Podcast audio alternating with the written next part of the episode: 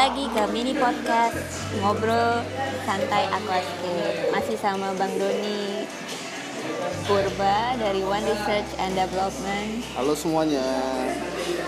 Jadi kalau teman-teman sempat dengar episode pertama ya kemarin masih trial and error uji coba bener-bener nggak pakai persiapan bener-bener cuma pakai uh, apa ya uh, mic apa mic dari speaker Emang sekarang ada odong-odong aja?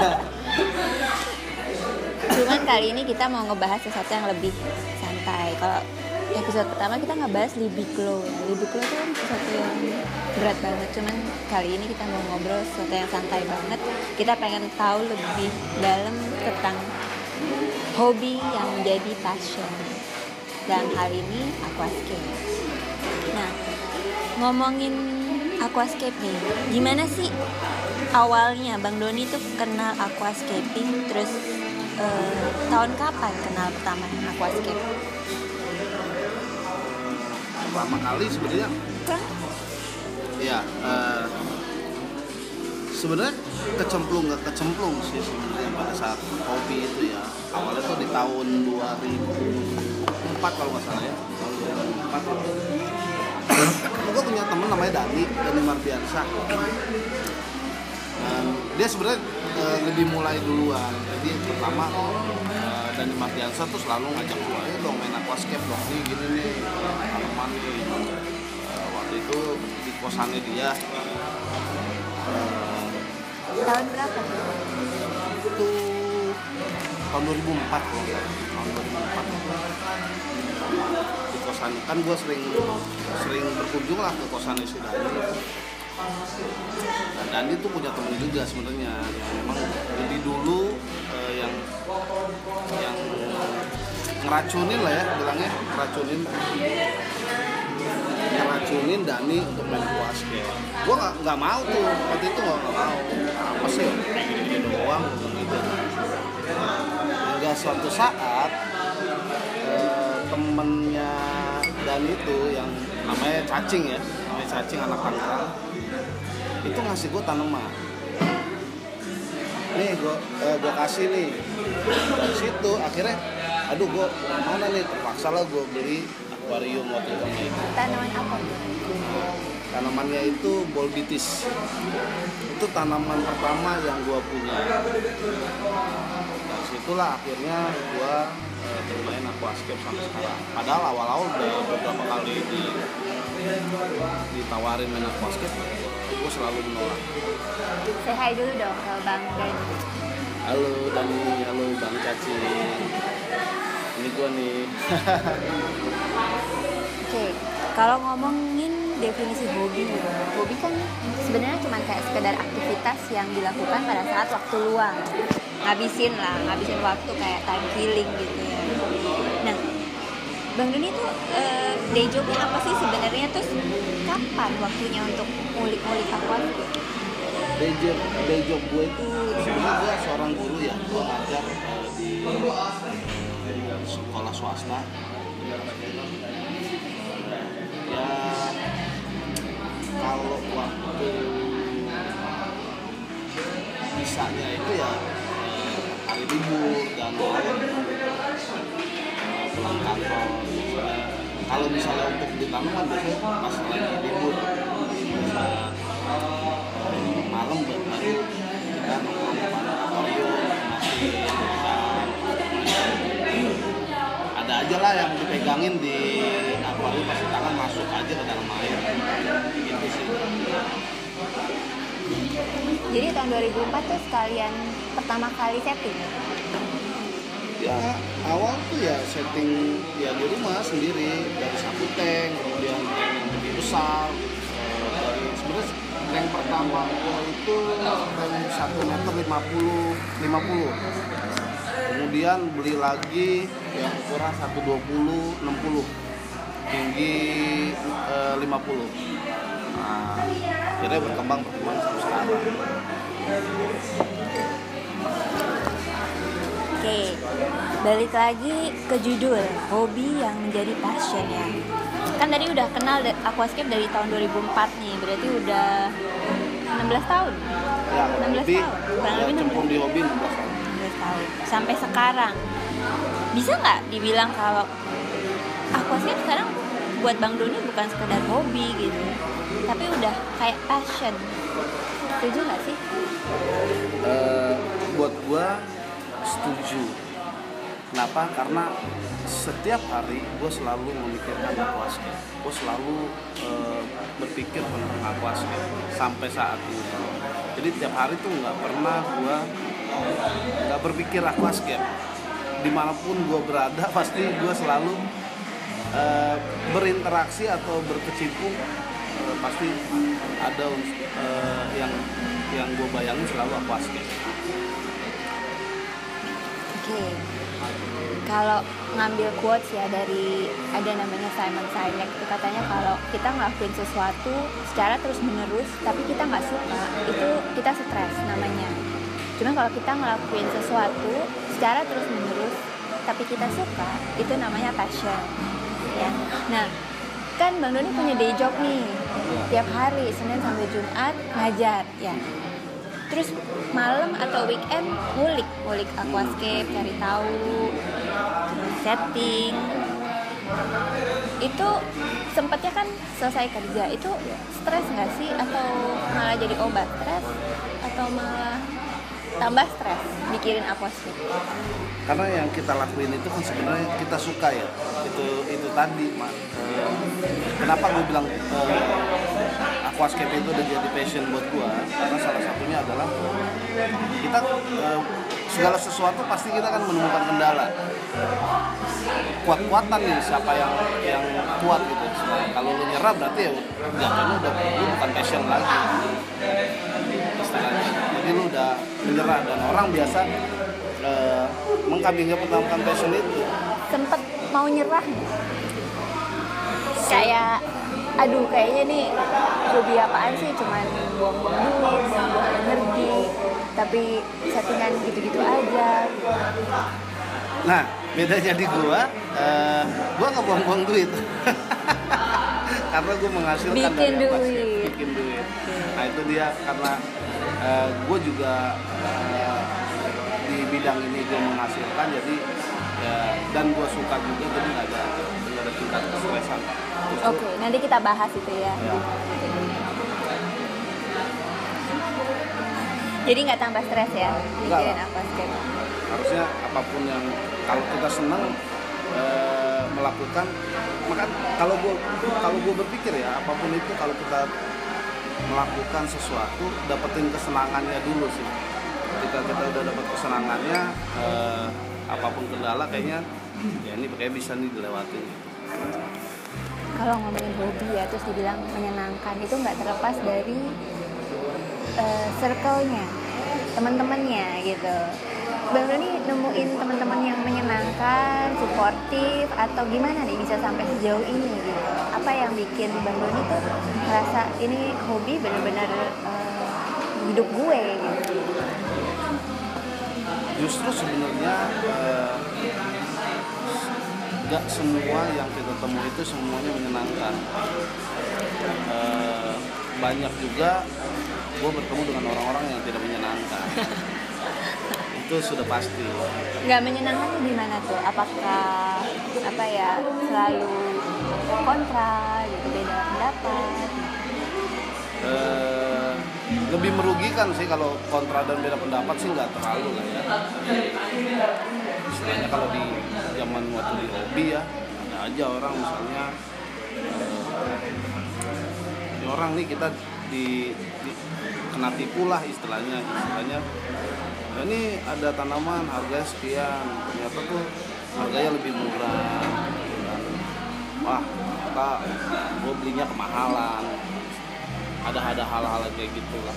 Kalau bertemu banyak orang ada aja yang eh, yang tidak enak ada juga yang enak. Nggak semuanya nggak enak ada juga yang enak. Misalnya kita sharing lah macam-macam ini atau kita ya eh, namanya manusia ya. Kalau dikasih hibahan juga pasti senang juga sih. Ada juga beberapa orang yang ngasih hibahan. Itu dari segi hobinya seperti itu Kalau ngomongin temen atau komunitas ya, kan kadang nggak nggak selalu diukur sama kayak tadi bang Doni bilang materi gitu dapat bahan cuman kan mungkin bisa sharing ilmu terus bertukar pendapat terus bisa tahu info-info yang belum tahu sebelumnya gitu. Ini hal yang menarik sebenarnya. Ketika kita bicara tentang grup ya tadi ya. Grup Komunitas. grup, komunitas gitu kan jangan lupa bahwa di dalam komunitas itu banyak kepala. Jadi bakal akan ada eh, bentrokan-bentrokan gesekan-gesekan ketika kita berpendapat. Apalagi eh, di dalam komunitas itu sudah ada yang mempunyai kepentingan. Nah itu yang akan merusak sebuah komunitas sebenarnya. Karena banyak yang sudah eh, terjadi ya sebenarnya ketika sebuah komunitas itu ada seseorang yang memang mempunyai kepentingan itu pasti akan berantakan sih. Nah biasanya kalau ada konflik wasitnya siapa? Eh, siapa yang jadi penengah siapa yang meredakan situasi? Itu kan pasti bagian dari komunitas juga dong. Kalau kayak gitu sih ada aja sih. orang mencoba menengahi ya. Lebih ke apa ya? Eh, ya ada aja lah orang yang yang, coba menengah ya memang balik lagi kalau dalam pertemanan selalu ada positif sama negatifnya Iya, ya. betul. baik. Oke balik lagi nih ke topik ngomongin tadi nggak pernah buang-buang duit karena udah bisa dapet duit ya. Kapan mulainya? Bisnis di aquascape. Terus apa sih yang yang bikin bang Doni mulai untuk monetisasi? Gitu apa yang bang, bikin bang Doni mikir kayaknya gue bisa dapet eh, penghasilan nih dari hobi ini. Eh, panjang sih sebenarnya ceritanya. Eh, pertama tuh? Gue cobalah membuka usaha aquascape.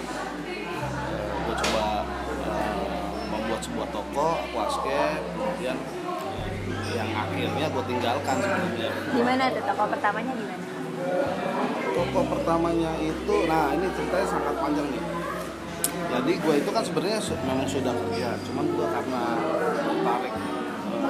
Ah ini hobi kayaknya bisa menghasilkan nih cobalah gue membuka toko. Bener-bener emang nggak ada apa ya planning yang matang tuh nggak ada. Jadi istilahnya gue belanja kemudian gue jual. Dan gue belum punya karyawan jadi toko gue itu buka setelah gue pulang kerja. Jadi posisi toko itu di pasar minggu itu pasar ikan sekarang sudah digusur ya. Itu toko gue itu adalah toko yang paling unik di tempat itu. Jadi ketika semua sudah tutup gue yang buka. Jadi di situ eh, para pedagang udah siap-siap tuku eh, udah siap tutup. Nah gue baru siap-siap buka. Yang belanja siapa? Kalau baru buka pulang kerja? Ada. Orang-orang kayak gue juga yang pulang-pulang kerja. Berarti justru malah ini dong ya pas sebenarnya. Ya memang nggak serame siang sih. Karena kan eh, siang tuh lebih pagi sampai siang tuh lebih banyak sampai sore ya. Cuman karena yang lain tutup ya gue doang yang buka otomatis semuanya pada ke gue yang, yang pulang dari kerja itu. Nah eh, setelah itu gue berpikir eh, apa ya eh, ya yang gini-gini aja gitu. Gue mau lah istilahnya gue dalam diri gue tuh gue berpikir aduh kalau gini-gini doang kayaknya nggak asik lah ya. Gue pengen sesuatu yang bisa eh, adalah karya yang gue gua buat untuk aquascaping Indonesia. Dari se dari dari skill desain eh, banyak ya yang, yang jago lah buat gua. Eh, yang jago-jago sangat banyak nah gue berpikir apa ya yang ada ya aku coba eh, memproduksi buku. Dan akhirnya sampai sekarang gue uh, memproduksi buku. Di bawah naungan One Reset. Tahun kapan itu? One Reset. Resmi berdiri? Uh, One Reset itu sebenarnya ini tahun 2005 itu gue coba buat sebenarnya awalnya itu bukan awal itu gue coba bikin pelet ikan. Dan uh, nama peletnya One Piece ya.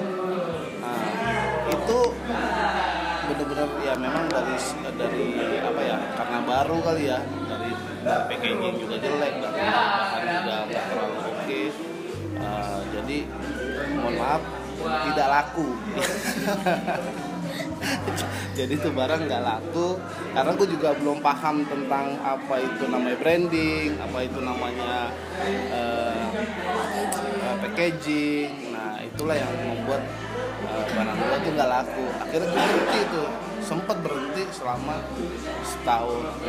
Setahun kemudian uh, gue coba belajar uh, kemudian ya, akhirnya gue coba bikin pupuk. Karena gini uh, gue punya pengalaman juga dari gue kan sebenarnya dulunya hobinya holohan ya. Holohan itu di awal-awal boomingnya itu gue juga main tuh cuman di situ gue belajar apa namanya gue dulu juga usaha juga di lohan gue menjual ikannya. Padahal sebenarnya uh, harusnya gue bukan menjual lohan karena zaman dulu itu jadi kayak monkey bisnis ya. Istilahnya yang uh, meledak pada saat itu dan hilangnya cepat. Karena perkembangan untuk breeding ikan lohan itu sangat uh, pesat jadi satu ikan lohan itu buat sepasang ikan lohan itu bisa menghasilkan 100 ekor ikan. Nah harusnya gue berpikir waktu itu uh, kenapa gue nggak sediain? Gue menjualnya itu pakannya karena itu akan akan repeat terus kan.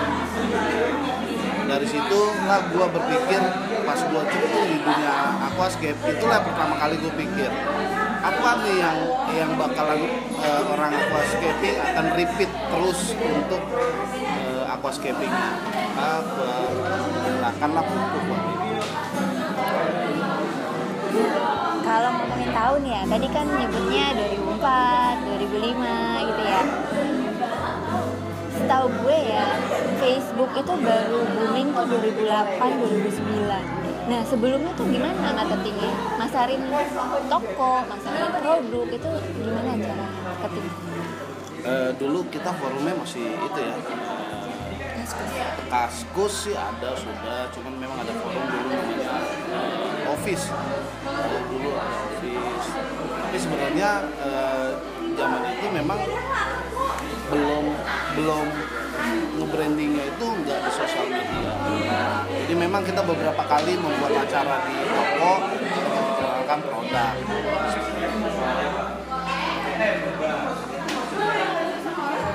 Nah sekarang kalau ngomongin sekarang nih tarik mun narik maju ke, ke 2020 udah masuk sosial media ya udah bikin konten di YouTube bikin podcast salah satunya mini podcast yang ini yang trial and error.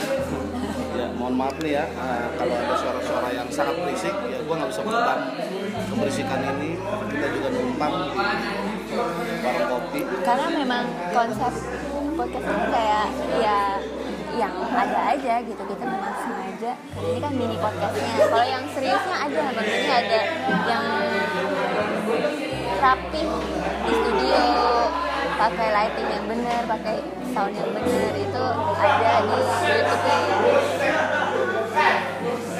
di One Reset dan belum sekarang timnya berapa sih? One Reset berapa orang? Tim nggak uh, terlalu banyak lah ya. Kita sekitar tujuh tujuh orang berarti udah gaji kasih THR tujuh orang ya tiap tahun ya? Ya saya kira seperti itulah. Dan sebentar lagi sudah mendekati ya. Jadi saya sudah mengencangkan ikat pinggang untuk THR oke. Pertanyaan sebenarnya ini bukan pertanyaan terakhir ya cuman kayak mau bikin plot twist aja sih. Berani nggak ngelepas day jobnya untuk fokus di One Reset Eh, gini ya eh, agak berat sih memang. Jadi gini kalau kata berani ya pasti sudah berani sebenarnya cuman gini one reset itu nggak sepenuhnya kuat kayak sekarang. Jadi dia itu banyak eh, roller coasternya lah naik turun naik turun beberapa kuatnya itu karena dari eh, gaji dari job yang sekarang. Istilahnya ketika memang itu lagi sulit maka eh, dari situlah eh, one reset itu bisa bertahan. Nah eh, gua berpikir kayak yang gue jalanin sekarang kayak balas budi lah istilahnya. Jadi gua eh, coba mengabdi walaupun ancur-ancuran beberapa kali kena SP ya. Mohon maaf nih. Tapi ya ya gue coba bertahan untuk eh, mengabdi lah di di tempat kantor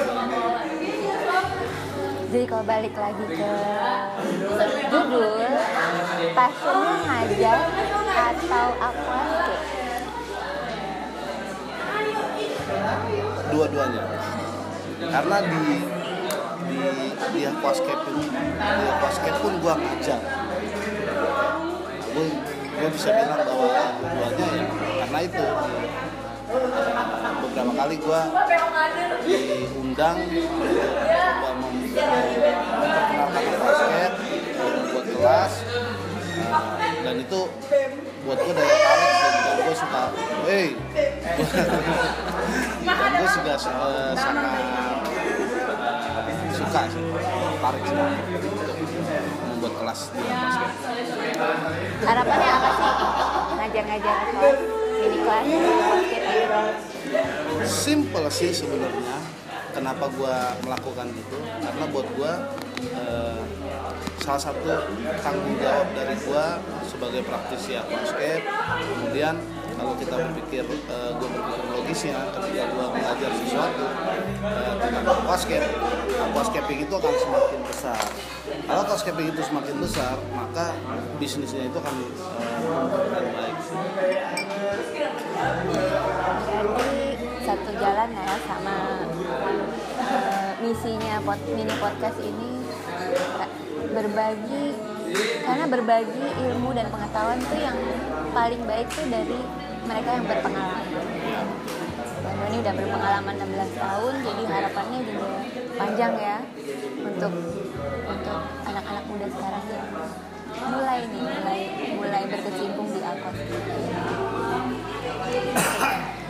Rencana ke depannya apa nih, One Reset dan Bang Doni sendiri?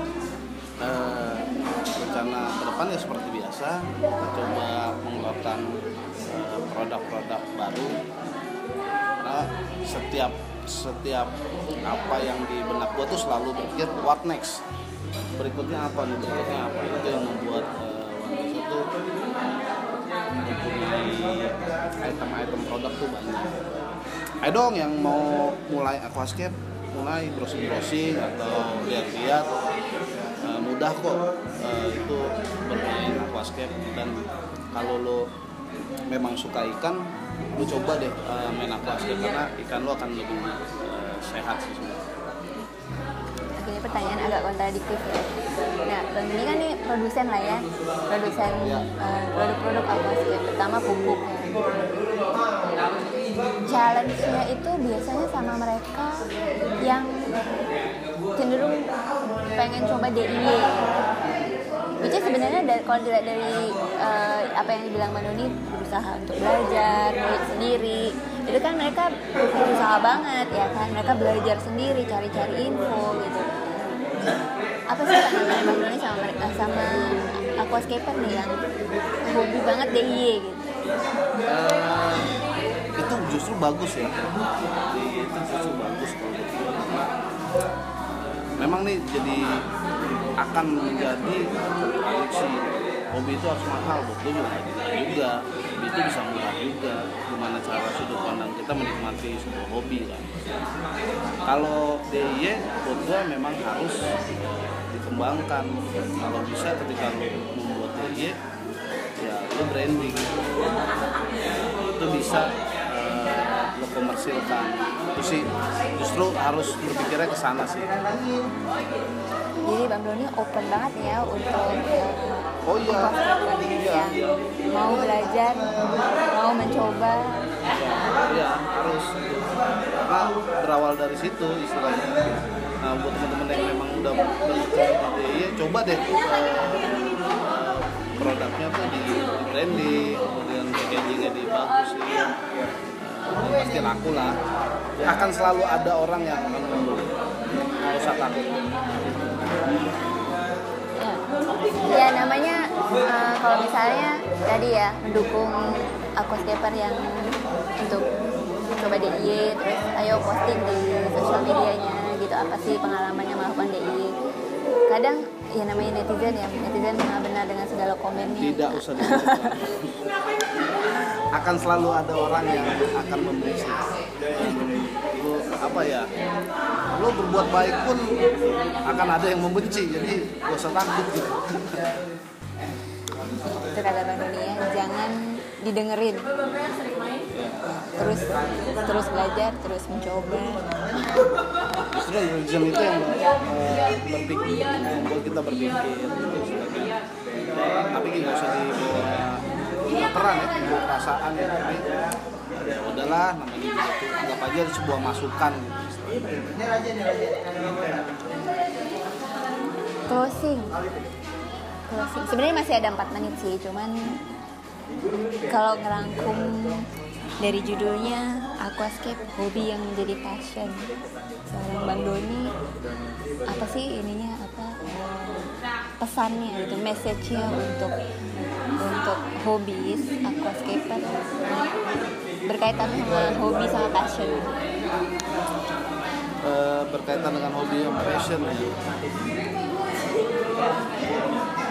Udah, eh, dalam menjalankan sesuatu ya, dapati kesenangannya dulu sama kayak eh, kita belajar ya, ketika kita mendapatkan kesenangan maka kita akan senang gitu untuk mencari tahu. Dan berbagi. Dan berbagi. Jadi istilahnya dapetin kesenangannya dulu kemudian kerja keras. Apa ya?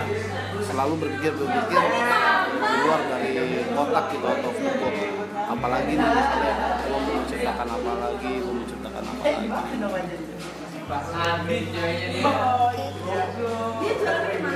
Berarti kesimpulannya buat aquascaper di Indonesia jangan menyerah di tengah jalan kalau menemukan apa ya pendapat-pendapat yang ya betul. buat gua eh, gua sangat mendewakan proses Eh, buat gue proses adalah segalanya. Jadi ketika gue membuka usaha yang baru gue nggak bakal segan-segan membuat eh, hal yang baru ini dari yang kecil. Kebetulan gue juga membuat eh, kecil-kecilan lah ya. Kaos aquascape clothing kecil-kecilan yang berbau temanya aquascape dan itu sangat kecil karena gua belum juga belum punya tempat gua juga baru jualnya cuma online di Tokopedia apa apa kalapak dan sebagainya. Eh, tapi ya gua dapat kesenangan dari situ. Jadi eh, jangan berpikir bahwa membuka usaha itu langsung besar. Dari dari hal kecil kita bertahan kemudian eh, kita coba besarkan lagi besarkan lagi. Hingga nanti pasti akan dan kalau ada kendala jangan cepat nyerah. Pasti ada ada jalan. Karena itu yang gua rasain ketika gua dapat masalah antar juga pasti ada jalannya nih. Dan memang benar jalan Ini pertanyaan tiba-tiba muncul aja sih. Katanya guru terbaik itu pengalaman buruk. Apa kegagalan terbesar selama 16 tahun main aquascape? besar ya Yang ya kira-kira sampai ya ampun gitu. ya sampai ngelus-ngelus dada. ya ampun duit gua 100 juta bisa hilang. Itulah sebuah kegagalan Kenapa ya eh, di situlah makanya gue bilang eh, belajar ya. Jadi istilahnya ya lo bisa duit hilang segitu pasti ngelus-ngelus dada lah. Dada Di situ- sendiri ya mas.